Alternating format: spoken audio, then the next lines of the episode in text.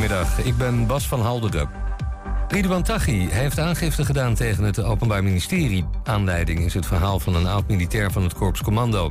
Taghi zegt dat geheime diensten onderzoek deden om hem te doden toen hij nog in Dubai zat, maar het OM ontkent. We hebben nooit overwogen om Taghi te vermoorden, zei de officier van justitie. Het OM heeft in hoger beroep 16 jaar cel en tbs geëist tegen de man die Bas van Wijk doodschoot. Dat is bijna twee keer zoveel als de straf die hij eerder van de rechter kreeg. Bas werd bijna drie jaar geleden doodgeschoten op een stadstrand in Amsterdam. Hij wilde voorkomen dat de dader een horloge van een vriend zou stelen. Rome zet zich schrap voor de voetbalwedstrijd van morgen tussen AS Roma en Feyenoord. De politie zet maar liefst 1500 agenten in. En die zijn inmiddels al begonnen met controles op tolwegen, het vliegveld en het station. Feyenoord weet niet precies hoeveel supporters naar Italië gaan, maar het zijn er vermoedelijk honderden. Een vliegticket moet er nog voor de meivakantie duurder worden. Dat willen bedrijven die de bagage afhandelen op Schiphol. Ze zeggen tegen de Telegraaf dat een extra toeslag nodig is... zodat ook de afhandeltarieven omhoog kunnen.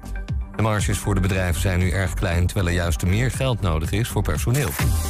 En dan nog het weer van Weer Online. Volop zon en droog en het waait stevig... bij een middagtemperatuur van 12 tot 16 graden. En tot zover het ANP-nieuws.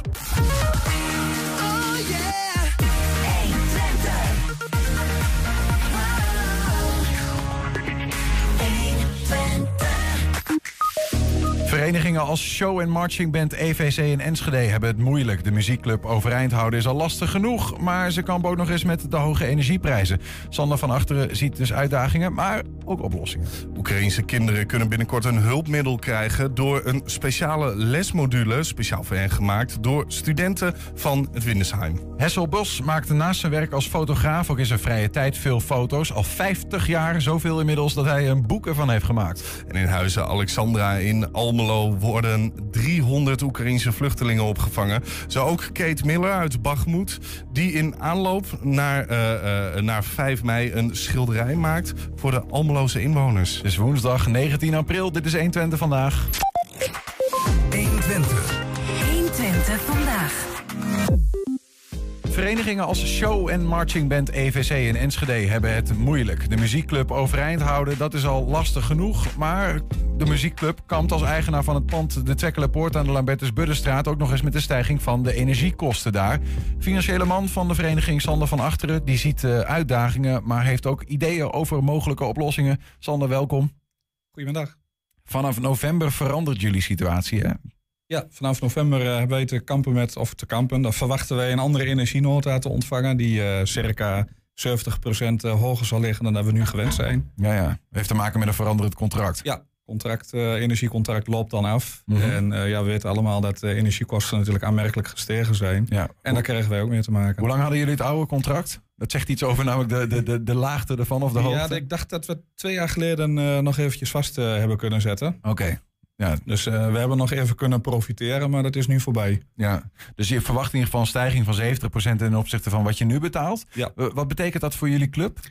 Ja, aanpassen. Aanpassen in, uh, in, in kosten. Um, zorgvuldiger omgaan met uitgaven. Ehm, kijken hoe je meer inkomsten binnen kunt halen. Ja, dat kan zijn door sponsoring, door het verzorgen van optredens, wat we natuurlijk altijd doen. Ja. Dus uh, we moeten nog harder aan de bak om ons financiële plaatje rond te krijgen. Ja, maar het is niet zo dat je dat geld gewoon op de plank hebt liggen. Ja, er is reserve. We zijn altijd een goede, zuinige club geweest met een goed financieel beleid. Ja. dat willen we ook graag zo houden. Gezonde vereniging, financieel gezonde vereniging. Maar dat stelt ons wel voor, voor uitdagingen. Maar ook ja, cursus die je moet gaan maken. Um, ik begrijp dat de, een, een, een, tegenovergestelde de, de kosten gaan omhoog, maar de leden gaan omlaag. Uh, en tenminste, de, dat hoor ik bij veel muziekclubs. Ik weet niet of dat bij jullie ook zo geldt. Um, maar dat lijkt, me, dat lijkt me tegelijkertijd ook weer een ingewikkeldheid, want die brengen natuurlijk contributie in het laadje. Ja, dat klopt. En uh, dat is een deel van onze, van onze inkomsten. En uh, als je daar gaten in ziet ontstaan, dan wordt de uitdaging allemaal groter. Ja, helaas hebben we inderdaad meerdere verenigingen in Enschede daarmee te maken. Niet alleen muziekverenigingen of muziek, verenigingen uit de culturele sector. Mm -hmm. Je ziet het eigenlijk wel over het hele verenigingsspectrum heen. Mensen vinden het lastig om te verenigen. Hè. Mensen weten ook niet meer zo goed wat het inhoudt. Het schept verplichtingen. Het is allemaal niet helemaal vrijblijvend. Je wordt vrijwillig lid, zeg ik altijd, maar het is niet vrijblijvend. En juist dat niet vrijblijvende, dat uh, weerhoudt mensen toch om lid te worden of lid te blijven. meer dan voorheen. Ja, meer dan voorheen. Ja, je ziet uh, wat dat betreft ook de individualisering uh, in de verenigingen ook heel erg terugkomen. Het is meer consumentisme geworden. Hoe lang zit je er zelf bij? Oeh, uh, ruim 35 jaar schat ik zo in. Ja. En, roer jij ook één trom? ik roer geen trom, ik roer de trompet. De trompet, oké. de loftrompet. Ja. ja, ja. Wat even, EVC, uh, wat, wat, is dat voor een club als je het een beetje uh, zou moeten uitleggen? Wat EVC is een uh, show- en marching band. Dat houdt in, we verzorgen straatoptredens voornamelijk, parades, taptoes, dat soort dingetjes meer. Mm -hmm. voornamelijk bestaat het orkest uit koperinstrumenten. En ja, EVC aan zich is een samensmelting van twee uh, fanfares die al heel lang bestaan in Enschede. Dat was de EDES, uh, EDES en de Veldkamp. Samen dus nu EVC, EDES-Veldkamp combinatie. Ja. En uh, ja, om te fuseren was een gelukkige keuze. En dat was eigenlijk ook al, denk ik, twintig jaar geleden eigenlijk meer noodzaak dan... ja. Ja, en we zagen toen ook al krimp. en we hebben na de fusie nog een behoorlijk eentje vol kunnen houden. Maar we zien nu op, opnieuw dat de krimp toch wel een beetje pijnlijk begint te worden. Ja, ja. ja, ja en zodanig dat je er wel eens. Uh, nou ja, slaaploze nacht. Ik wil het niet extremer maken dan het is. Maar, maar hoe kijk je daarna? Naar, want eh, vanaf november gaat de broekriem nog wat aan. Moet je weer uh, keuzes maken. Ja, je kunt. Ligt er bijvoorbeeld nog weer een fusie in het verschiet? Wat, is, wat, zijn, wat zijn de dingen die je. Fusie, dat, is, dat is meteen een groot ding. Maar ik denk wel dat het heel belangrijk is. En of belangrijker wordt om verenigingen de hoofden bij elkaar te laten steken. En wij staan niet alleen in de problematiek. Dat is gewoon bekend. Het is, het is ook bekend dat iedere vereniging uh, uh, ja, zelf uh, probeert, probeert te overleven. Probeert daar zelf uit te komen. Elke vereniging heeft hetzelfde probleem en doet het ja, op zijn eigen manier. Ja, terwijl ik denk, je moet krachten bundelen. Je moet bij elkaar gaan zitten. Je moet gezamenlijke projecten oppakken. Kosten proberen te delen. Mm. Dus in die zin hoop ik ook dat uh, ons gebouw is geschikt om, uh, om te repeteren met uh, grotere muziekgezelschappen. Ja. Dus we willen ook eigenlijk ons gebouw beter uitbaten. en dan het liefst onder muziekverenigingen. Ja, want even in jullie geval, jullie, de, de Twekkele Poort, dat is jullie pand. Ja. Aan de Lambertus Buddenstraat in Enschede. Is dat, dat is jullie eigen pand? Ja, dat is eigendom. Is, dat, is dat normaal voor muziekverenigingen of niet per se? het is een vrij luxe positie. daar zijn we ooit in verkeerd door ja, huisvestingsproblematiek. Die pakken een beetje uh, in rond 2003 uh, eh, speelde. Mm.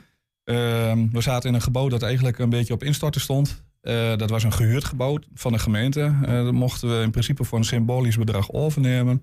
Maar daar moest zoveel aan verspijkerd worden. Dat het, ja, weet je, de hele renovatie van het, van het gebouw zou meer gaan kosten dan het herbouwen in de, ja, de huidige bouwstijl. Ja. En um, ja, de veldkamp zat destijds ook met huisvestingsproblemen. Dat heeft ons eigenlijk ook eh, min of meer bij elkaar gebracht. En we hebben dat probleem gezamenlijk aangepakt. Gezamenlijk geld bijeengebracht. Uit eigen middelen. Uh, door acties te houden. Uh, destijds konden er nog wat subsidiepotjes losgetrokken worden. Ja. We hebben zelf heel veel inspanning verricht. En ja, destijds ook geluk gehad met een, um, een donatie van, uh, van een groot bedrijf uit, uit Enschede. Eh, dat eh, iets goed te maken had met de wijk Twekkelenveld. En dat was voor ons de sluitpost. Daarmee hebben wij destijds een klap op eh, de bouwplannen kunnen geven. En uh, ja, hebben we ons eigen gebouw neer kunnen zetten. Maar nog wel lasten iedere maand, of niet? Ja, zeker lasten. Hè. Ons gebouw staat hypotheeklasten? op... nee, hypotheeklasten niet. ons pand is gelukkig geheel hypotheekvrij. Maar denk aan uh, de energie, verzekeringen, uh, onderhoud is ook een dingetje. Hè? Ja. Dat is ook een doorlopend proces. Um, maar zodanig dat je, want dat is een beetje waar mijn vragen vandaan komen natuurlijk. Als je een huurpand hebt, dan kun je misschien zeggen op een zeker moment... jongens, we, kunnen, we trekken dit financieel niet meer. we moeten een andere ruimte gaan betrekken die minder duur is. In dit geval kom je niet van... Ja, je kan wel, je moet verkopen. Uh, is dat ingewikkeld? Is het een molensteen in die zin? Of, of is het nog steeds wel een voordeel? Met nee, zo zie ik het niet. Ik zie het uh, nog steeds als een voordeel. En ik zie het nog steeds als een mogelijkheid om ja. uh, ook andere verenigingen die met dezelfde problematiek kampen, om die gewoon goed onderdak te bieden. Ja. En samen kosten te delen. En dan geloof ik er helemaal in dat het, het hebben en houden van een eigen gebouw te handhaven is. Dat gebeurt ook al deels, toch? Want ik begrijp van een collega van ons die bij de bazuin op de toeter blaast uh, de bazuin speelt, dat die ook bij jullie uh, in het pand zitten. Ja, correct. De bazuin uh, maakt ook tenminste één avond in de week gebruik van ons gebouw. Ja. En ja, er zijn op dit moment ook gesprekken met andere verenigingen om ook te kijken of er mogelijkheden zijn om ze te huisvesten. Is dat eh, altijd een soort van. Is dat een makkelijk ding voor, voor muziekverenigingen? Van nou ja, gaan hokken. Of zit daar ook wel iets van een trots wat je soms bij voetbalverenigingen ziet? Ja, dat trots valt nog wel mee. Vaak ook om het, juist omdat eh, verenigingen vaak niet echt gebonden zijn aan een uh, locatie muziekverenigingen. Omdat het al huur is of iets dergelijks. wel organisatorisch. het betekent soms dat je bijvoorbeeld moet gaan schuiven met je repetitieavonden de favoriete woensdagavond bijvoorbeeld, die ineens naar vrijdag moet of naar maandag moet. Ja, ja dat kan een probleem opleveren natuurlijk. Ja. Dus in die zin, uh, dat soort problematiek kom je wel tegen. En de trots, uh, dat ga je terugvinden uh, wanneer je praat over fuseren. Dan, dan, kijk je, uh, dan loop je tegen het probleem van de trots aan, het verenigingschauvinisme. Ja, en ik denk dat verenigingen daar ook overheen moeten stappen. Soms moet je opnieuw beginnen. Ja. Ja, dat is bittere noodzaak. Een bittere noodzaak. Ja, ja, Als je muziek wil blijven maken in Enschede, dan uh, denk ik dat het in de toekomst onontkoombaar is om uh, verregaande samenwerkingsvormen of toch fusie, uh, fusies aan te gaan. En als het dan gaat om bijvoorbeeld de. Want ik, op die manier, zo zie ik het dan maar voor me. als je gaat hokken, kun je de kosten delen. nou ja, dat is financieel aantrekkelijker. Um, maar je hebt ook te maken met een teruglopend ledenaantal. Dat hebben ook al die clubs in de breedte. kun je daar ook samen over nadenken, denk je? Ja, ook dat soort uh, projecten kun je samen aanpakken. Uh, ook dat is makkelijker gezegd dan gedaan. Hè. Op welke groepen ga je bijvoorbeeld richten? Uh, is dat alleen jeugd of zijn dat senioren of zijn het muzikanten die ooit hun favoriete hobby wel hebben gezegd, maar eigenlijk toch nog best wel muziek willen maken? Die zijn er heel veel in Enschede en omstreken. Dus wat dat betreft zou er nog heel veel potentieel moeten zitten om te ja. kunnen groeien. Maar dan zul je ook iets moeten veranderen aan de, de manier waarop je muziek wilt maken. Vertel. Uh, nou, onze vereniging met name is uh, bekend uh, om op straat te lopen, om taptoes te, te doen en dergelijke. Dat, dat brengt ook mee dat je fysiek goed in orde moet zijn, bijvoorbeeld. Het vraagt iets meer van een muzikant dan wanneer je zittend op een stoel muziceert. Dus concerterend werk verricht. Ja. Um, ja, en, en, en ik denk dat je, dat je daar ook uh, goed naar moet kijken van welk soort muzikant is waarvoor geschikt. Ik denk dat, uh, dat we uit moeten kijken naar de mogelijkheid om een, uh, een soort omni-muziekvereniging te creëren waar je elk soort muziek kan maken. Of dat nou big band is, fanfare is, harmonie is. dat zou voor mij een ideaal beeld zijn. Ja, met een, een, samensmelting van verschillende krachten die ja. in Enschede aanwezig zijn. Yes, en hopen ook op een bepaalde synergiewerking tussen die verschillende krachten elkaar versterken, gewoon op een of andere manier. Ja. Um, nou hebben we het over de verantwoordelijkheid die muziekverenigingen zelf misschien zouden kunnen nemen. Eh, om samen te kijken hoe kunnen we nou nieuwe leden aantrekken of oude leden hervinden bij ons of wat dan ook. Is, is dat waar de verantwoordelijkheid primair ligt wat jou betreft? Of is dit ook iets waar, eh, waar je naar de gemeente kijkt misschien wel zegt van jongens, uh, het is belangrijk om ons culturele verenigingsleven in de benen te houden? Uh, dat laatste uh, ja ook. Uh, maar primair vind ik wel dat verenigingen zelf verantwoordelijk zijn om te kijken van hoe staan we eigenlijk in de markt. En hoe komt het dat er teruglopen is? En mm -hmm. moeten we daar niet wat aan gaan sleutelen? Ja. En moet je kijken naar repertoirecursussen? Moet je kijken naar hoe presenteer je? doe je dat nog in een heel folkloristisch uniform? Of doe je dat wat, wat meer eigen tijd? Ik denk dat daar ook slagen gemaakt moeten worden. Ja. Praat je daarover met elkaar ook als ja, vereniging? Ja, op dit moment uh, zijn we daar volop uh, mee bezig. Maar dat is ook een lastig traject. En loslaten van het oude vertrouwde is lastig. Ja. En als je nog niet weet waar het dan naartoe gaat, ehm, ja, dan maakt het dat ook weer voor heel veel mensen lastig. Mm -hmm. Ja. Maar goed, als ik tussen de regels door hoor ik wel van jou van ja, het was twintig jaar geleden al reden om te fuseren voor, voor jullie club. Uh, eigenlijk komt de bezemwagen er weer aan. Ja. En, en, en moet je bewegingen maken. Dus dat linksom, rechtsom zal dat. Zal het, ja, nee, de, de situatie zal, zal je ertoe dwingen, neem ik aan, bijna. Absoluut. Ja, misschien uh, nood breekt wet, zeggen ze wel eens. Ja. En misschien is dat, uh, is dat ook wel goed dat het op een gegeven moment gewoon ontstaat en moet gebeuren. Ik heb, daar, ik heb daar geen moeite mee. Nee, nee. De eerste stap, misschien is dat dan een concrete laatste vraag... die, die nu wat jullie betreft uh, zeg maar dan in het Enschees verenigingsleven moet worden gezet... of misschien wel bij EVC zelf, bij je eigen club? Dat is ja, samenwerking zoeken. Samenwerking zoeken? Ja, samenwerking zoeken. Ja, ja. en, en uh, ja, toch ook gesprekken aangaan met gemeenten. Want die samenwerking, het clusteren van meer verenigingen in ons gebouw... levert natuurlijk ook wel een probleempje op. in de zin van ruimte. Opslagruimte bijvoorbeeld. Ja, ja. Daar zal geld voor nodig zijn... En dan hoop Om, ik om het gebouw letterlijk om het groter gebouw te expanderen, precies. En eh, dan wel hopen dat, eh, dat we daar eh, ja, ook wel bij de gemeente wat voet aan de grond kunnen krijgen. Ja, dus dan krijgen we niet alleen sportclusters, maar ook muziekverenigingsclusters Yes, ja, in Enschede. Sport wat is dat een heel mooi voorbeeld. Daar gebeurt het ook. En het zou mooi zijn als Enschede als cultuurstad... de stad van muziek ook aan de amateurmuziekverenigingen blijft denken. Ja, en dat is dus, eh, dat kan, eh, kunnen de blazers zijn, maar ook de drummers en eh, de strijkers en Omni, alles bij elkaar. Absoluut. Kijken hoe je nieuwe manieren kunt vinden om te overleven met elkaar. Absoluut. En ja. te leven misschien ook wel. Dan. Ja, zeker. Sander van Achter, dankjewel voor, voor je komst en uitleg van hoe, hoe, wat er speelt op dat vlak. Mooi, bedankt voor jullie uitnodiging. Graag gedaan.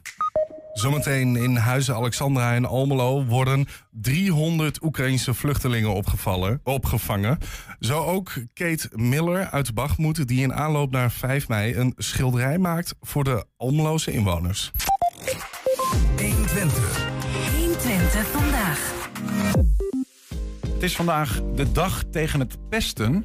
De stichting eh, Twente tegen pesten vindt dat een belangrijke dag. Draagt haar steentje bij en dat doet ze letterlijk. Vandaag hebben initiatiefnemers van de stichting namelijk de time-out tegel geplaatst... op het plein van de Prins Maurits School in Enschede. Erna de Witte is wijkagent in Enschede en ze is ook onderdeel van eh, Twente tegen pesten. Erna, goedemiddag. Dan hoop ik dat we Erna nu eh, aan de telefoon hebben. Maar dat weet ik nog niet zeker. We gaan heel even eruit en komen zo terug.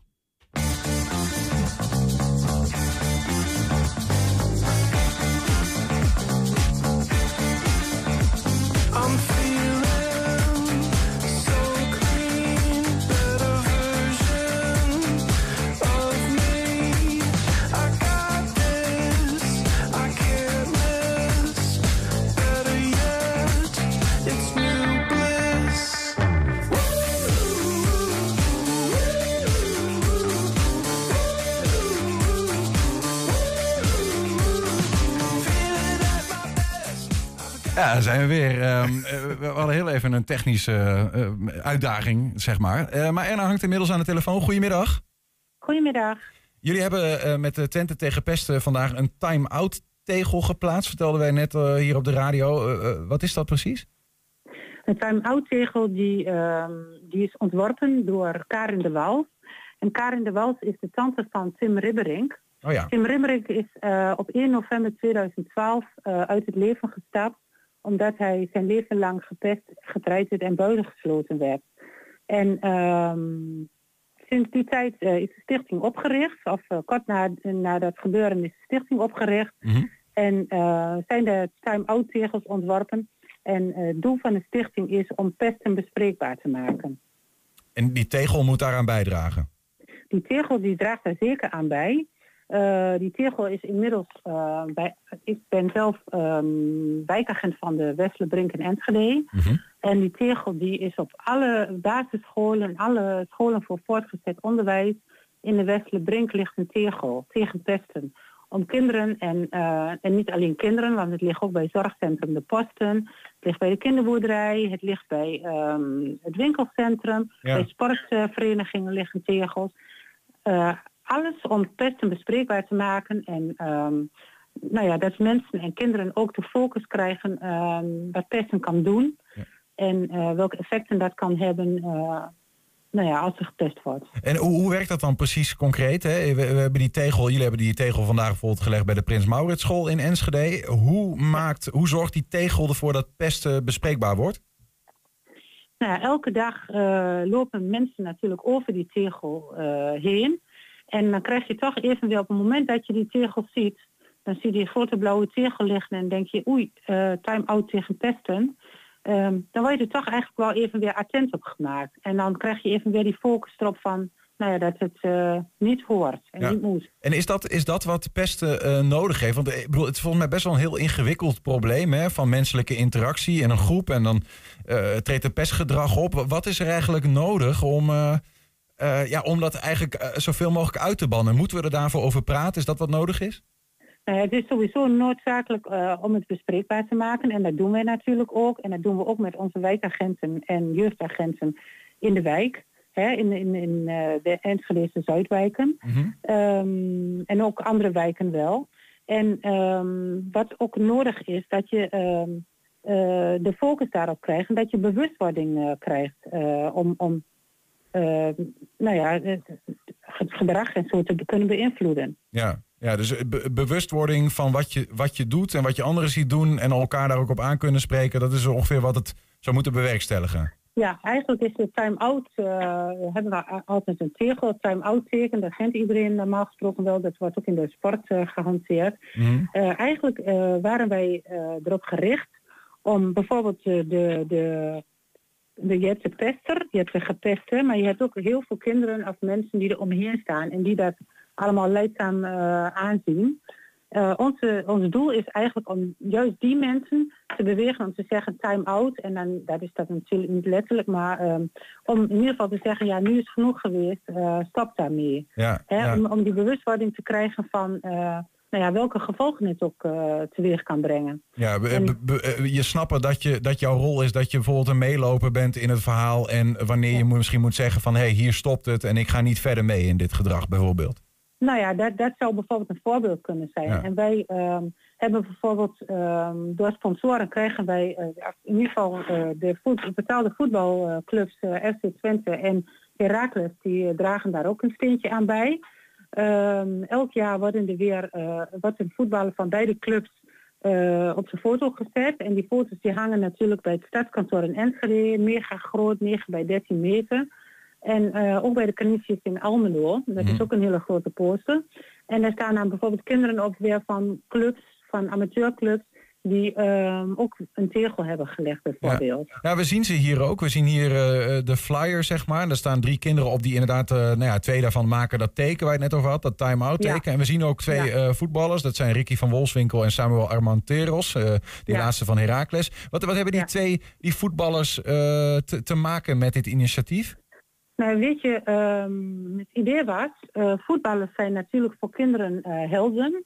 Hè, de, op het moment dat een voetballer zegt van pesten eh, moet je niet doen, dat is not done of eh, dat is niet stoer, dan eh, volgen kinderen dat heel vaak, eh, die volgen dat op. Mhm. Die hebben dan eh, bijvoorbeeld zoiets van, nou, als een voetballer dat al niet stoer vindt, dan, eh, dan is dat eigenlijk ook niet stoer. Omdat ze natuurlijk tegen die eh, voetballers opkijken. Ja. En dat is eigenlijk een beetje het voorbeeld, eh, dat het een voorbeeld voor hen is. En dat is de reden eh, geweest dat wij ehm, de voetballers, of de clubs in ieder geval hebben eh, gevraagd om medewerking daaraan te verlenen. En dat doen ze ook trouw ieder Ja, jaar. Dat ja. is ook eigenlijk al vanaf het begin ehm, he- hebben ze daar ook al aan meegewerkt. En inmiddels eh, nou ja, hebben we ook sponsoren gevonden die ons daarbij ondersteunen. En wat, doen maar. jullie eh, Erna, eh, als, als stichting, hè, Twente tegen pesten? Ik ken dit eerlijk gezegd niet. Eh, ehm, wat doen jullie dan nog meer? Want die, die tegels, hè, die, die, nou ja, die moeten het gesprek uitlokken. Ben je ook nog op Mhm. andere manieren bezig om dat gesprek te voeden met wetenschappelijke kennis over pesten of wat dan ook? Hoe, hoe moet ik dat voor me zien? Ja, wij hebben bijvoorbeeld in de wijk met onze wijk- en jeugdagenten. ehm, op het moment dat er bijvoorbeeld een pestprobleem op een basisschool is, ik noem maar een voorbeeld. Nou, dan eh, gaan we daar naartoe en dan hebben we bijvoorbeeld ook dat we daar voorlichting over geven. Eh, onze jeugdagenten, onze wijkagenten zijn daar ook heel enthousiast eh, mee bezig. Mhm. Die vinden het ook allemaal heel goed. Want kijk, op het moment dat wij een pestprobleem hebben, dan zit- willen we juist aan de voorkant gaan zitten. En de kinderen van de basisscholen bijvoorbeeld, die kun je nog wel een beetje kneden, die kun je nog wel vormen. En als wij dan als politie daarbij ook aangeven van, ja weet je, ehm, eh, op het moment dat dit gebeurt, dan, heeft het hele ernstige gevolgen. Dan kun je bijvoorbeeld eh, dat, dat net weer voor zijn. En we vinden eigenlijk is onze doelstelling, eh, ieder gepest kind is er één te veel.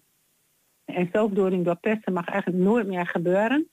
Ehm, nou ja, dat het nooit meer zal gebeuren, dat is natuurlijk een illusie. Alleen ehm, ehm, wat we kunnen, dat doen we. En Ja. ieder ehm, steentje wat wij daaraan bij kunnen dragen, dat doen we. Ja. En daarnaast ehm, hebben we ook jaarlijks, eigenlijk komt het ook wel terug, hebben we gesprekken bijvoorbeeld dit jaar ook weer gevoerd binnen het zorgcentrum De Posten.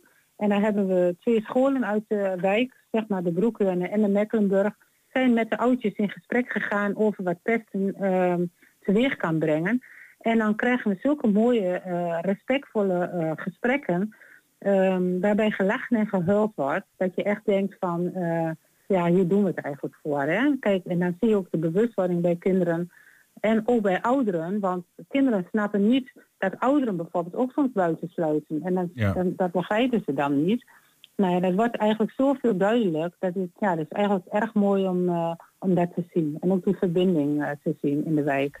Duidelijk verhaal, eh, Erna. En ook, eh, ook, ook begrijpelijk waarom, jullie, waarom je als wijkagent je ook ervoor inzet. Hè. Veiligheid van mensen staat voorop wat dat betreft. En dat begint al heel jong. Ehm, eh, dank voor deze, voor deze uitleg. Twente tegen pesten dus legt vandaag een eh time-out tegel in Enschede. Zoals er al heel veel liggen, hoorden we net. Erna de Witte, dankjewel. Ja, dankjewel. Doeg. Zometeen, Oekraïnse kinderen kunnen binnenkort een hulpmiddel krijgen door een speciale lesmodule. Dat speciaal voor hen is gemaakt door studenten van Windesheim. En zijn ook als podcast te vinden. Ik kan niet vaak genoeg zeggen. Elk bekend platform waar je podcasts van vindt, daar zijn wij ook. 120 vandaag vind je hele uitzendingen. Maar ook iedere dag komt er één losgeknipt item. En die vind je op 120 vandaag uitgelicht. 120. 120 vandaag. Ja, in de huizen Alexandra en Almelo worden 300 Oekraïnse vluchtelingen opgevangen. De 32-jarige Kate Miller uit Bagmoed is een van hen. Samen met haar nu vijfjarige dochtertje en haar moeder kwam ze in maart 2022 naar Nederland. Haar man is nog altijd in Oekraïne. En in aanloop naar 5 mei maakt ze een schilderij voor de Almeloze inwoners om stil te staan bij de slachtoffers van alle oorlogen.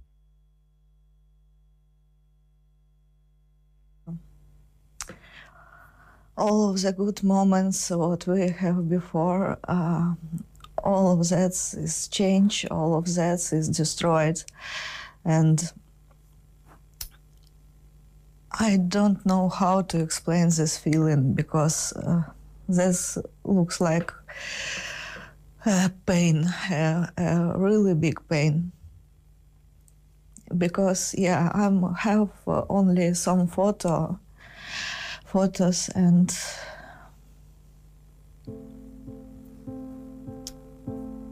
and all of my remembrance in my mind.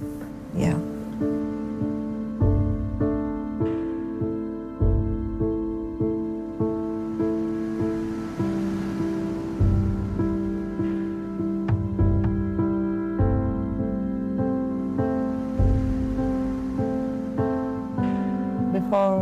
started, uh, I'm uh, be really happy. Uh, I'm uh, live all of my life. I live in Bakhmut, and before the uh, first war started in the 20 and 14 year, uh, we live in Gorlivka, and uh, I have a good job. Uh, we live with my husband uh, in uh, his apartment, apartment, and uh, our life is uh, so stability and uh, yeah. In the period in the February on 20 and 14 uh, years, we have a change our life because occupation uh, administration, uh, Rus- Russian agents start to occupy our territory, start uh, to occupy uh, the buildings and uh, cities, and uh, after this, uh, our life is changed. In uh, November in 2021, uh, my uh, dad is uh, dying, and uh, I'm back to Bakhmut because uh, before of this we live in Kramatorsk, and I'm back for helping my mom. I'm uh, not sleep all of night because uh, I'm heard uh, many helicopters, and. Usually, when we heard the helicopters, that's uh, symbolized about the maybe we have a problem. And uh, in uh, four and half uh, a.m., uh, we uh, heard first uh, um, first bombing. And after this, yeah, we have a really difficult day because we doesn't know. We, we need a space, um safety space, because we live in uh, ground floor and uh, uh, doesn't know what we do with that why they destroyed uh, so many buil- buildings, why they destroyed a cemetery. They destroyed church now, but we have one religion. That's their religion too. Why they doing that? Um,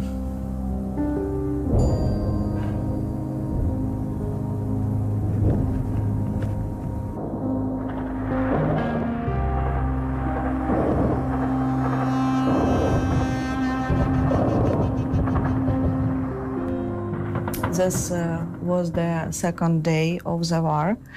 Uh, my friend uh, called me and say uh, we have a bombing space uh, and uh, bo- bombing safety space. And uh, need to help with the clean the space and to organize um, doing electricity and something like that. And we started to change this place uh, for the life. In one night, my daughter, we sitting uh, in the uh, bombing sa- safeties, and uh, we heard a- alert, and I'm uh, take my daughter on my arms, and she said me. Um, one minute.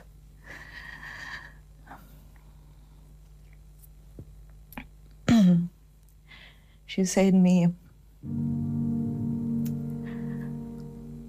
She said me about mom uh, i have a good sleep in when i'm hurt alert alert and i have a mind that's not normal. Um, we need to change some because yeah this uh, that's not a normal childhood hood for she and uh, uh, we sitting with uh, I'm sitting with the husband. We uh, talking uh, about situation, and uh, I said we need to go. What kind of stuff did you bring with you? Only what we have. Uh, uh, only what clothes we have uh, on uh, us, and uh, I have my laptop. Yeah, documents and my laptop. That's all. First stop uh, I have in the Amsterdam, but uh, I'm called to Aida. Said to she, uh, we in Amsterdam, and she said me okay. Uh, she exma- explained me how to buy the tickets, and uh, after this I'm come to Almala. Usually I'm paid uh, everything because yeah, I'm really like it. Uh, I'm really like to do some uh, beautiful, and uh, I want to change this- place a little bit. Uh, uh, doing the pictures on the wall and something like that. That's helped me regulate my emotional uh, situation. Uh, that's helped me to build my comfortable spaces. Yeah.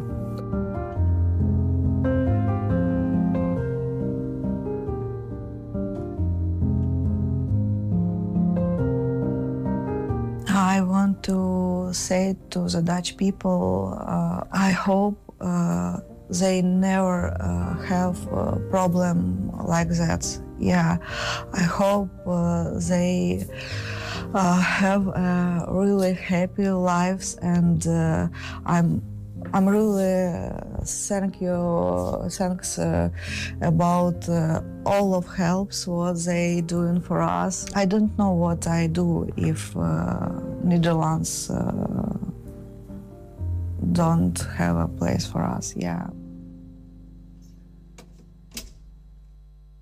We gaan eh, Kate eh, volgen. Eh, Dus in aanloop naar 5 mei eh, maakt ze zijn schilderij ook voor de Almeloze inwoners... om stil te staan bij de slachtoffers van alle oorlogen.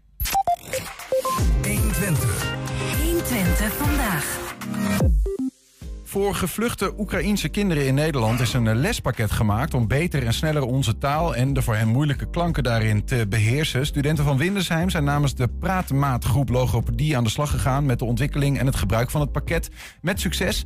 Een van die studenten is eh, de Enschedeze Nike Brouwer. Nike, welkom. Dankjewel. Eh, hoe, hoe zijn jullie zo eh, bij dit project betrokken geraakt? Ja, dit is ehm, eh, voor een vak in onze opleiding. Eh, proeftuin heet het. En ehm, nou de bedoeling is dat we voor dat vak een innovatie bedenken. En dat ehm, wordt dan gedaan aan de hand van eh, vragen vanuit de praktijk. Dus er worden echt logopediepraktijken benaderd of zij nog tegen dingen aanlopen waar studenten over mee zouden kunnen denken.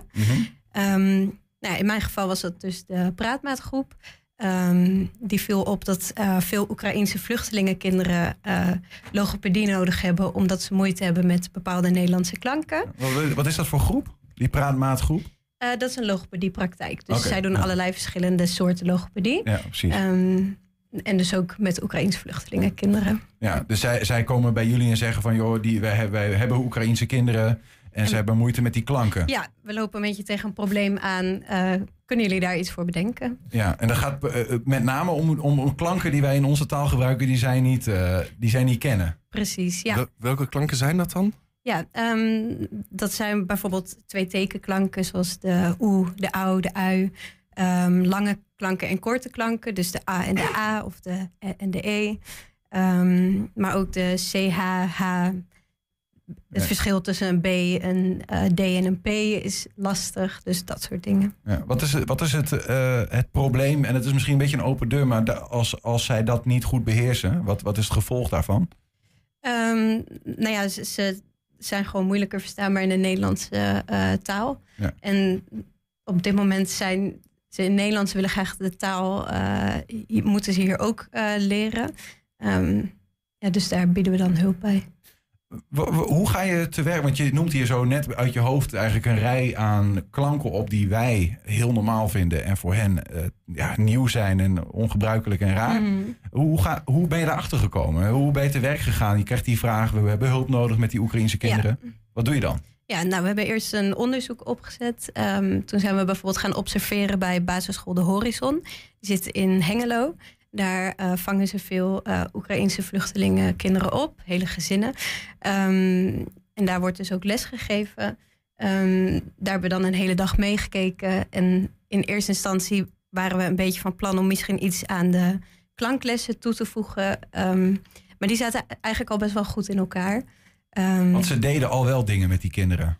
Ja, zeker. Ja, ja. ja de klanklessen gewoon die ook Nederlandse kinderen krijgen. Die krijgen klanklessen op school? Ja. Oké, okay, oké. Okay. En, en, jij, en, jij, komt daar dan aan, dan kom je een klas tegen. Uh, gaat dan ook je hoofd direct van, hé, hey, hier kunnen wij misschien inspringen? Of uh, hoe, hoe ja. ga je dan te werk? Ja, nou ja, het viel ons vooral ook heel erg op dat er best wel uh, een drukte was in die klassen. Um, want er is gewoon een taalbarrière tussen de docent en de leerlingen. Wat heel lastig is. Dus veel leerlingen gaan dan onderling met elkaar in het Oekraïens praten. De docent kan daar natuurlijk niet goed op inhaken of in meekomen. Dus het viel ons voornamelijk op dat de klanklessen op zich best wel goed al, ja, heel goed al zijn opgebouwd. En dat het misschien meer een beetje ook in het stukje contact uh, lag. Ja. Dus vandaar dat we dan nu echt een los, uh, een los lesidee hebben bedacht. Dat is dan een boek met daaraan uh, interactieve opdrachten toegevoegd. Mm -hmm. Um, die juist een keer ingezet kan worden op zo'n hele drukke dag, waarbij een docent misschien moeilijk contact kan krijgen. Daarmee kan zo'n Oekraïens kind zelf eigenlijk uit de voeten. Of, uh, nee, of nee, is het nog is wel intensief? klassikaal. Ja. Klassikaal nog wel. En dat is vooral ook met het aanleren van klanken heel belangrijk. Dat de docent ook uh, foute uitspraken kan verbeteren. Ja. En veel kan voordoen, modelleren, zeg maar. Dus um, ja, maar ik zoek nog even wat, wat er dan anders is in dit verhaal. Want je zei net ook van hè, in, in een klas kan het heel druk zijn. Uh, mm -hmm. Om uiteenlopende redenen. En met dit boek ben je nog steeds klassikaal bezig eigenlijk. Ja. Wat is er nu anders met dit boek? Um, nou ja, door het verhaal worden de kinderen hopelijk um, sowieso aangesproken en meegenomen uh, in het verhaal. En dan vervolgens zijn er verschillende soorten opdrachten, ook gericht op verschillende zintuigen, waarbij kinderen ook um, ja, bewegen, kunnen meeschrijven of visuele uh, oefeningen, auditieve oefeningen. Het zijn verschillende dingen die worden aangesproken. zeg maar. aantrekkelijker, zodat ze meer uit die drukte worden gehaald en Ja, meer gespitst echt- zijn op ja. de opdracht. Ja, en er zit ook echt een spelelement in veel opdrachten. Dus dat maakt het hopelijk ook leuk. We hebben wat plaatjes eh, van het boek waar je het over hebt. Eh, praat ons even doorheen. Want dit is bijvoorbeeld, ik zie hier, we zien een plaatje met een, ja, een, een soort van gebouw. Onder, rechts onderin staat opdracht 1. En er staat een verhaal in, die hoeven we niet helemaal voor te lezen. Maar Mhm. w- wat, wat, wat zien we? Nou ja, dit is dan dus een bladzijde uit het, eh, uit het boek. Eh, we hebben geprobeerd om de eh, zinnen en het verhaal vrij simpel en duidelijk te houden. Omdat er natuurlijk nog best wel een taalbarrière is. Ehm, nou ja, in de, deze pagina wordt dus, worden dus de twee tekenklanken benadrukt. De oe, de au en de i zie ik. Ehm, en daar zal dan waarschijnlijk de opdracht ook op ingaan, zeg maar, op die twee tekenklanken. Mhm. En dit, dit is een. een, een eh, ja, ik weet, we hebben nog volgens mij meer, meer pagina's. Misschien kunnen we dan. eh nee, dit is een plaatje wat erbij zit. Ja. Dit, maar dit wordt klassikaal. een ander soort van verhaal met die, waar die klanken terugkomen. Ja. Dit, dit wordt klassikaal aangeboden. Dus ook aan de Nederlandse kinderen in die klas. Eigenlijk niet, niet specifiek aan de, aan de Oekraïnse kinderen. Ja, ehm, nou ja, op de basisschool waar wij zijn wezen observeren, dat die klassen waren gewoon compleet alleen met Oekraïense kinderen. Ehm, maar dit kan in principe ook met Nederlandse kinderen worden gedaan, ehm, of andere meertalige kinderen. Mhm. Want deze klanken eh, ja, kunnen voor meer mensen moeilijk zijn. Het, je, je, je zegt het goed, want je zegt dit kan voor meerdere mensen moeilijk zijn. We hebben het nu voornamelijk over kinderen. Zou bijvoorbeeld een ouder hier ook wat aan hebben? Ehm, in deze versie denk ik niet per se, omdat veel van onze opdrachten ook eh, gericht zijn. Sorry, je vroeg me een ouder van een ja, kind nee, nee, nee. Gewoon een, een volwassen persoon Oh ja, uit Oekraïne op zich wel. die hier komt, moeite heeft met de klanken. Ja.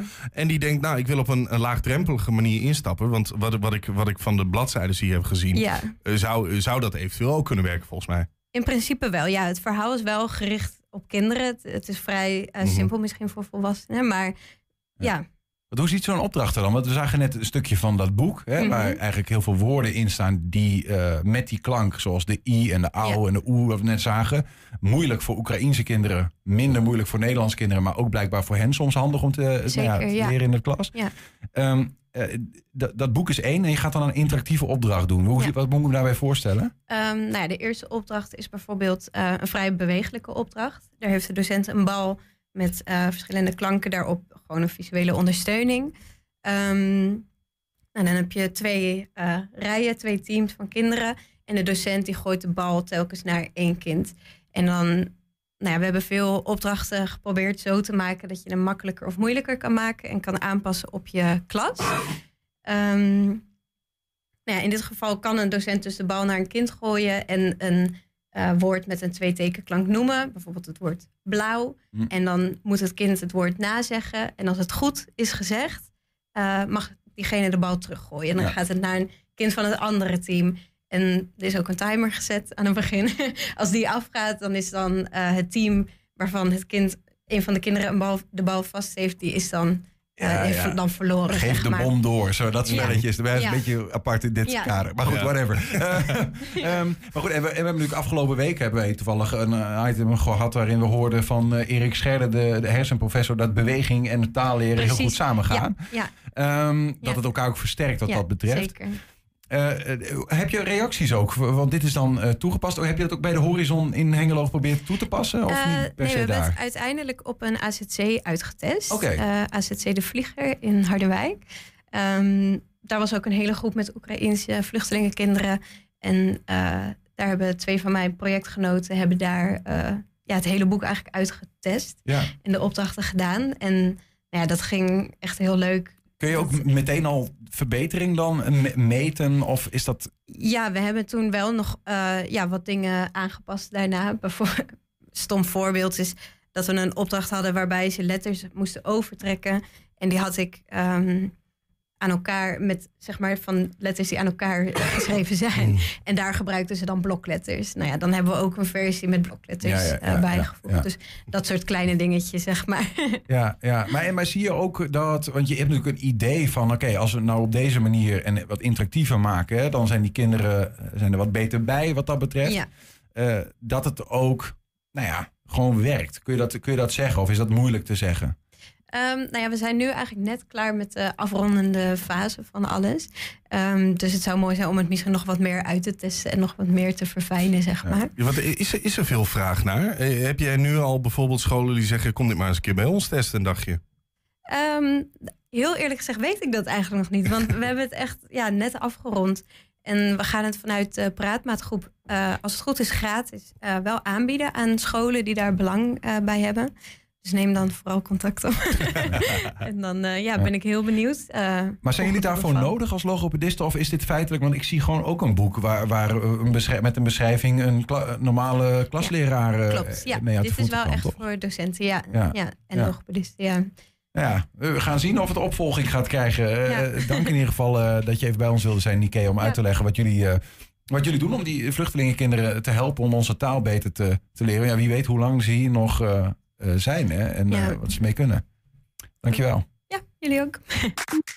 Heb je een tip voor de redactie? Mail dat dan eventjes naar redactie.1centen.nl of eh, bel eventjes. Dat kan via 053 432 7527. Dat zal ik nog één keer herhalen, want het gaat best snel. 053 432 7527. 120. 120 vandaag. Hessel Bos is al bijna een halve eeuw fotograaf van beroep. En eh, niet zomaar één. Hij kreeg onderscheidingen voor zijn fotografie. Waaronder de Gouden Camera, diverse Kodak Gold Awards en eh, de Gold Master titel. Naast zijn werk als fotograaf maakt hij ook in zijn vrije tijd veel foto's. Zoveel inmiddels dat hij er een boek over en van heeft gemaakt. Eh, dit boek genaamd Hessel komt eind deze maand in de winkels. Maar hij is nu al een sneak preview te geven. Hessel, goedemiddag. Goedemiddag. Die titels, hè? want wij- wij, zijn niet eh 100% thuis in de fotografie. Ik ken toevallig de, de zilveren camera. Ik noemde net een aantal titels. Waar moeten we daarbij voorstellen? Is dat eh, Champions League eh, niveau? Is dat de Nederlandse de eredivisie? Of Ja, daar kun je het mee vergelijken. Eredivisie. eredivisie in Nederland? Je bent een, wat dat betreft een goede fotograaf. Ja. Ja, 50 jaar lang al. Ik ben 54 jaar fotograaf. nu. 54 jaar, ja. Ja, maar, en, ja ik durf bijna niet te vragen. heb je alle camera's bijna al gezien, of niet? Jawel, want ik heb ook een camera check, dus eh, dat klopt. Ik heb er maar 100. ja, nee, Oh, je bent verzamelaar ook nog. Maar die doen het ook allemaal? eh, de meeste wel. Ja. Maar dan pak je wel eens een oude camera ter hand omdat het gewoon goed voelt? Ik pak wel eens de Hasselblad uit de kast en dan doe ik daar een filmpje in en dan eh, ga ik fotograferen, analoog. Ja. En dan, maar ja, dan scan je de negatieven weer. En dan ga je ze toch weer digitaal afdrukken. Dus eh, Ja, ja, ja. ik heb geen donkere kamer meer, namelijk zodoende. Ja, dus Ja. je moet wel iets met die negatieve, met het scannen. Ehm, is, dat, is, dat, is dat een, ehm, een gevoel, weet je, eh, muziekliefhebbers hebben natuurlijk altijd over LP's, eh, een bepaald gevoel wat je erbij ik, hebt. ook. Terwijl, ik ben ook een muziekliefhebber, ik heb heel veel LP's. ja. maar is dat dus- ook met oude camera's? Die zegt van ja, daar zit toch een bepaald sentiment in of wat dan ook? ja. Want de kwaliteit zal gewoon minder zijn, toch? Of? Ja, het is nu langzaam tijd. Inderdaad, de digitale die heeft het eh, analoge gepasseerd. Ja, Ja. dat klopt. Nu, nu langzaam hoor ik je Ja, zeggen. Je hebt er wel tijd tegenstand tegen ja, geboden. dat ligt geloof ik bij 60 miljoen pixels. Dan wordt, eh, dan wordt de digitale fotografie beter. Hey, eh, eh, wanneer werd voor jou, want nou, laat ik eerst eens begin- wanneer ben je eigenlijk begonnen? Want als je 54 jaar fotograaf bent, ja, ik kijk niet naar een hele oude meneer. Hoe, hoe, wanneer, hoe oud was je toen je begon? Ik, rond, de, rond de 20, 21. Ja. Ja, en eh, mijn vader had een drukkerij, die zou ik overnemen. Dus ik kom eigenlijk uit de drukkerswereld. Maar eh, door een kennis, eh, een fotograaf, die heeft mij besmet. En eh, ja, toen werd in één keer alles duidelijk. Ik denk, wauw, ik word fotograaf, hoe dan ook. Hoeveel foto's, hoeveel, gewoon even een greep, hoeveel foto's heb je gemaakt in je leven tot nu toe? Nee. Ik heb geen idee. Maar misschien is dat wel een miljoen. Ik heb geen idee, ik weet het niet. Want ga, ga, je, begin- je pakt een camera vast. Ga je dan gewoon overal foto's van maken? Eh, of, of ben je wel op zoek naar iets? Nee, eh, even beginnen. bev- eh, met, ik heb ben heel veel trouwreportages gemaakt. Hè? Dat, is, dat was mijn brood. Eh, ik schat zo 2500 tot 3000 trouwreportages, tienduizenden portretten en zo. Maar nu ik dan toch eigenlijk gepensioneerd ben, eh, pak ik meer het vrije werk op. En ik maak mezelf gewoon opdrachten. En denk ik, oh, dat ga ik doen. En ik ben geen fotograaf van landschappen of van vogeltjes of, of zonsondergangen of zo. Misschien moeten we gewoon wat bijpakken om een idee te krijgen van je, van je werk. Ehm, je, je hebt wat foto's meegenomen. Misschien kun je vertellen waar we, waar we naar kijken, wanneer je dat hebt gemaakt en eh, wat het idee erachter was. Dat is gemaakt in Berlijn. En toen moest je over een hek klimmen. En dan moet je nog eens zien dat je in die gebouwen komt. En er was een, een gekkenhuis. En dat is door de Russen na de oorlog eh, in beslag genomen eigenlijk. Die hebben daar gehuisvest totdat in 89 de Berlijnse muur viel. Toen hebben ze de benen genomen en toen hebben ze alles ehm, zo achtergelaten. En ja, dit is meer een poster voor een schildersbedrijf. Ja, Wat- wa- wat waar kijk je is- naar? Zijn dit allemaal deuren? Of is Dat dit- zijn allemaal deuren, ja. ja, ja. helemaal eh, ver- ver- ver- ja, Afgebladderd. afgebladderd. Ja, ik zeg, dit is een mooie poster voor een schildersbedrijf. Er, wordt er eerst weer tijd voor een likje verf of zo? Ja. En, en, en wat dit is vrijwerk voor jou. Dit is Ja. niet een opdracht of wat Dit is dan ook. vrijwerk. Hè? En de- mijn boek bestaat ook alleen maar uit vrijwerk. Uit vrijwerk. een opdracht. Nee, precies. Waar je, waar je niet per se betaald voor hebt Nee, maar dat kan ik ook niet maken om daar betaalde opdracht in te zetten. Ja, Dus, eh, ja, dat zijn al- vooral trouwreportages geweest. Wat, wat, wat, wat, eh, nou, misschien gewoon nog eentje leuk. Gewoon om een paar uit te zoeken. Waar kijken we naar? Dat is eh, gemaakt in eh, Shanghai. Ik heb een, eh, een Chinese stagiaire gehad. En eh, een, een jaar lang. En we- daar is dan een beetje een band ontstaan. En eh, nou, toen heb ik mezelf uitgenodigd naar Shanghai toen ze terug was. Ik denk, hé, hey, dat lijkt me leuk. Dus ik ben daar een maand geweest. En ik heb heel veel ge- eh, gefotografeerd in de backstreets. Maar dat is leuk. Wat, in de wat? In de backstreets. Oh, In In de, achteraf- de, de, de buitenwijken. achterafweggetjes. achterafstraatjes. in de banlieue van Shanghai. Ja, en, eh, want eh, ja, Shanghai zelf lijkt op, eh, op New York. Alles is snel en eh, we- 23 miljoen mensen wonen er Toeristisch. maar. En ja, ik bedoel, ja, nee, niet toeristisch, Nee? maar ja, zakelijk. En, Ja. ja. Ja, maar goed, nog heel even terug, want we waren nog niet uitgepraat wat mij betreft. Want wat, wat kijk ik naar dan in dit geval? Nou ja, dat is iemand die oud papier ophaalt en daar zijn business van gemaakt heeft. En dit is eh, wel grappig, want die mensen hebben daar zo'n bakfietsje en dan moet zoveel mogelijk op natuurlijk. Eh, ja, en ik loop daar dan voorbij en ik zie dat en ik denk, wauw. Dat is gewoon, een, een, een, een- eigenlijk eh, overkomt het je, het werk in dit geval. Van, ik zie iemand, je hebt die camera bij je. En, Fotograferen dit- is kijken, zeg ik Ja. altijd. Ja. Wanneer maak jij een foto? Heb je dat wel eens voor jezelf? Wat is het algoritme in je hoofd die zegt van, nu, nu pak ik die camera? Nou, je moet dingen zien. Ik was, zag laatst ehm, iemand door de straat fietsen op zo'n ouderwetse racefiets. En die had de pet ook verkeerd om op. Uit zo'n 1900. En die man die had ehm, tattoos in zijn gezicht. En toen, ik zat op een terras en toen lachte die naar mij. En toen had hij allemaal geen goud in de mond, maar blik. Dus ik sta op en ik ren achter hem aan. Ik zeg stop. Nou, kijk. en, en dan bleek iemand uit Ierland te zijn. Ja. En ik heb hem een visitekaartje gegeven en een afspraak met hem gemaakt. En eh, ik heb die man eh, gefotografeerd. En die heeft in de stad gehangen bij drie bij vier meter. En, eh, Ja. Ja. Fantastisch. Even, Ja. voor- nog een foto, even kijken. Leuk. Overal zit een verhaal achter, hè, Hessel? Ja. We hadden net nog een andere, geloof ik, hè, van een mevrouw. Dat, is ook een die in Shanghai is gemaakt. dit is ook in Shanghai. En mensen in, in Shanghai die, ehm, ja, die vermaken zichzelf. eh, ze maken veel muziek op straat, dansen op straat. En hier, dit, ik heb dan een behoorlijke telelens bij mij. Maar ik heb niet zulke camera's bij me dat ik opval. Ik, ik moet een beetje... Dan worden mensen bang hè, als je met die hele grote lenzen komt. En dit mens heeft niet eens in de gaten gehad dat het voor kwam. En dan zet ik dat ook zo in beeld. Ik doe verder niks aan de foto. Ja. Ik laat het zo. Maar dit- hier is niet aan- niks aan gefotoshopt Niks, niks. of wat ik dan kan ook. helemaal niet photoshoppen en ik krop ook niet en, en ik, ik fotografeer zoals het is. Ja. Ik maak alleen de foto's zwart-wit of ik, ik ga het contrast iets verhogen, dat soort dingen. Maar wat maakt nou dat jij van deze foto zegt van ah, die, die, die, ook, die heeft iets dat ik wil. Want je zult ook ongetwijfeld eh duizenden foto's hebben waarvan je zegt ja, wel gemaakt, net even niet het goede moment. Het mooie van deze foto vind ik dat het een, eh, een wat ouder iemand is en dat ze... eh, vaak zie je die, die, die, vooral die jonge meiden, die zijn helemaal opgemaakt en geplamuurd, noem ik altijd. Die verstoppen hun schoonheid. En, en ze gaan onderin in de massa en, en allemaal Barbiepopjes worden het. En eh, ik mag graag een barstje zien. En, eh, en, en iets wat, wat, wat niet, niet mooi is, ook mooi. Ik bedoel, en vooral die rimpeltjes van die, van die vrouw, dat, ja, dat spreekt eigenlijk boekdelen. Dit is duizendmaal mooier dan zo'n Barbiepopje. Volgende. Een piano in een kamer.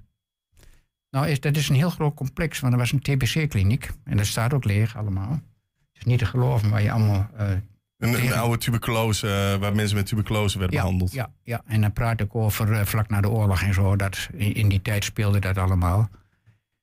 Ja, en dan kom je zo'n tafereeltje tegen dat daar het zonlicht schijnt mooi naar binnen. En dan staat er een piano. En dan, ja, dan moet je even een beetje een mooie compositie maken. Een beetje heen en weer lopen. En dan ping. En Maar dit, dit pand staat leeg, maar er staat wel een piano. er staat wel een piano, ja. Dat is En, waar was dit? Opmerkelijk Weet je- verhaal. weet je dat of- Zeg je? Waar was dit? In de DDR.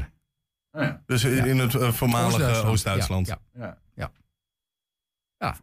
Eh, Grappig. Nee, Dit als je is- dit is want gaaf. Dit zijn allemaal foto's die staan in jouw eh, nieuw uit eh, die zijn boek. uit mijn, die, staan in mijn boek, ja. Ja, deze, en, ja. Hoe ziet dat boek er dan eigenlijk uit? Hè? Want, want we zien foto's. Heb je daar ook dit soort verhalen? zijn die erbij nodig? Of zeg je, ik laat de foto's spreken? Nee, Hoe- ik laat de foto's spreken. Ja. Ja. Ja, Ja. Er staat een voorwoord in en een verhaaltje van mij.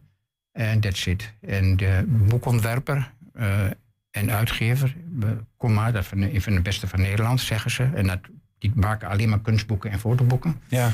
En eh, die, die hebben dat, die boekontwerper heeft dat heel mooi gemaakt. Die heeft, van de foto's heeft hij een soort verhaal gemaakt. Wat zo, Oh, Oké, dus de foto's spreken voor en- zich. ja.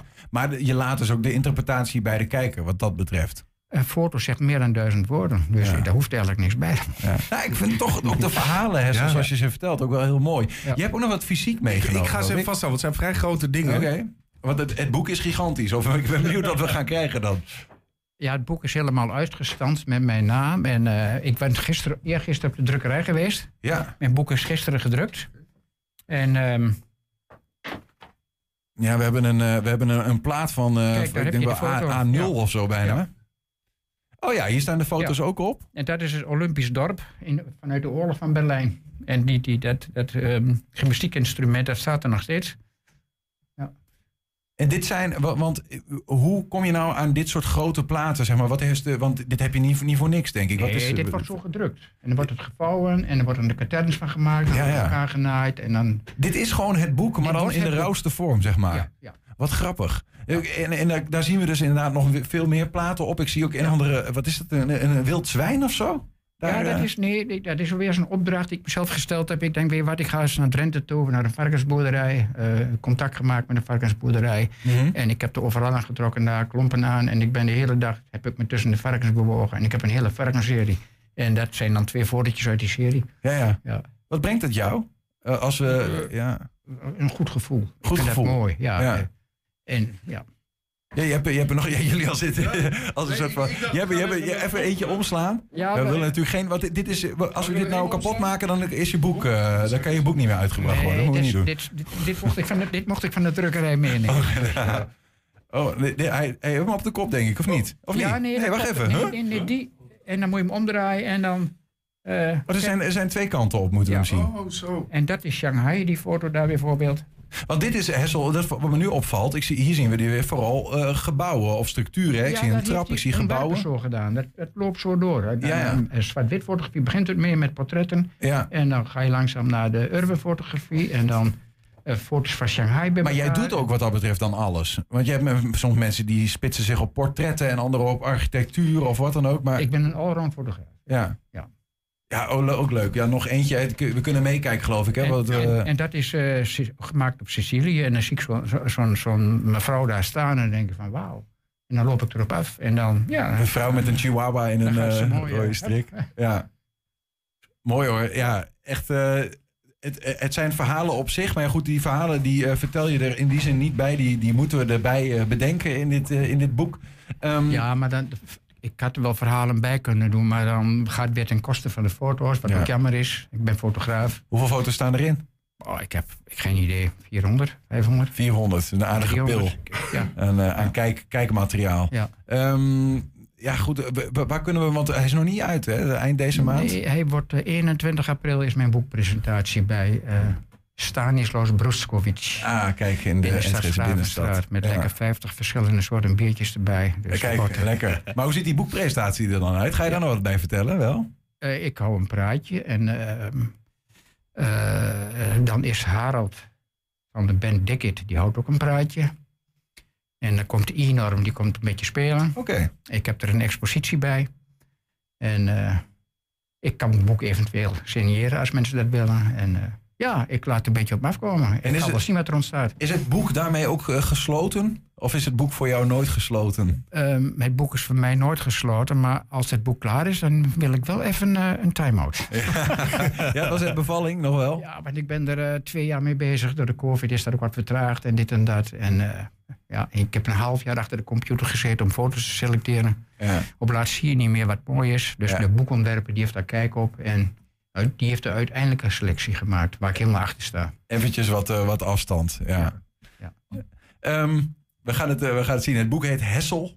En eh, is dus eind... eh, dat klopt toch? Werk goed, hè? Ja, ja, op 21 april Ja. is de boekpresentatie. Op Nee. 28... Nee, 21 mei. 21 mei. Oh, dan, en op, ik heb op, op bol.com gelezen, op 28 april is het...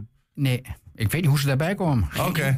Nou ja, dan is het dus even afwachten en hou gewoon de, de 21 socials in de gaten. Ja. Dan, eh, 21 mei. En daarna kun je hem eh, verkrijgen in, eh, de, de, de- bij, onder meer op eh, bol.com en waar je hem dan ook weer vinden wil. Ja, ik denk dat ik bij Broekhuis kom te liggen hier in Enschede bij de boekhandel. Dus. Ja, Ik weet, niet, dankjewel. ik weet niet of ik nou sluikreclame gemaakt heb. Maar Ja, ja. Eh, eh, eh, maakt niet uit, we hebben het toch mooi over deze foto's gehad. Hessel, dankjewel voor je komst en eh, voor wat mooie foto's. En we zien het, eh, het boek tegemoet als het uit is. Ja, oké. En tot zover ook 120 vandaag. Terugkijken, dat kan direct via 120.nl. Vanavond 8 en 10 zijn we ook op televisie te zien. Zometeen kun je in ieder geval de radio gaan genieten van Henk Ketting en de Kettenreactie. Wij zeggen veel plezier en tot morgen. 120. Weet wat er speelt in Twente. Met nu het nieuws van 5 uur. Goedemiddag, ik ben Bas van Halderen. Ook de MIVD beschuldigt China van spionage. De inlichtingendienst zegt dat de Chinezen vooral geïnteresseerd zijn in technologie, over militaire communicatiesatellieten en informatie daarover weg proberen te halen bij Nederlandse bedrijven en universiteiten. We hebben al meerdere pogingen ontdekt en voorkomen, zegt de MIVD.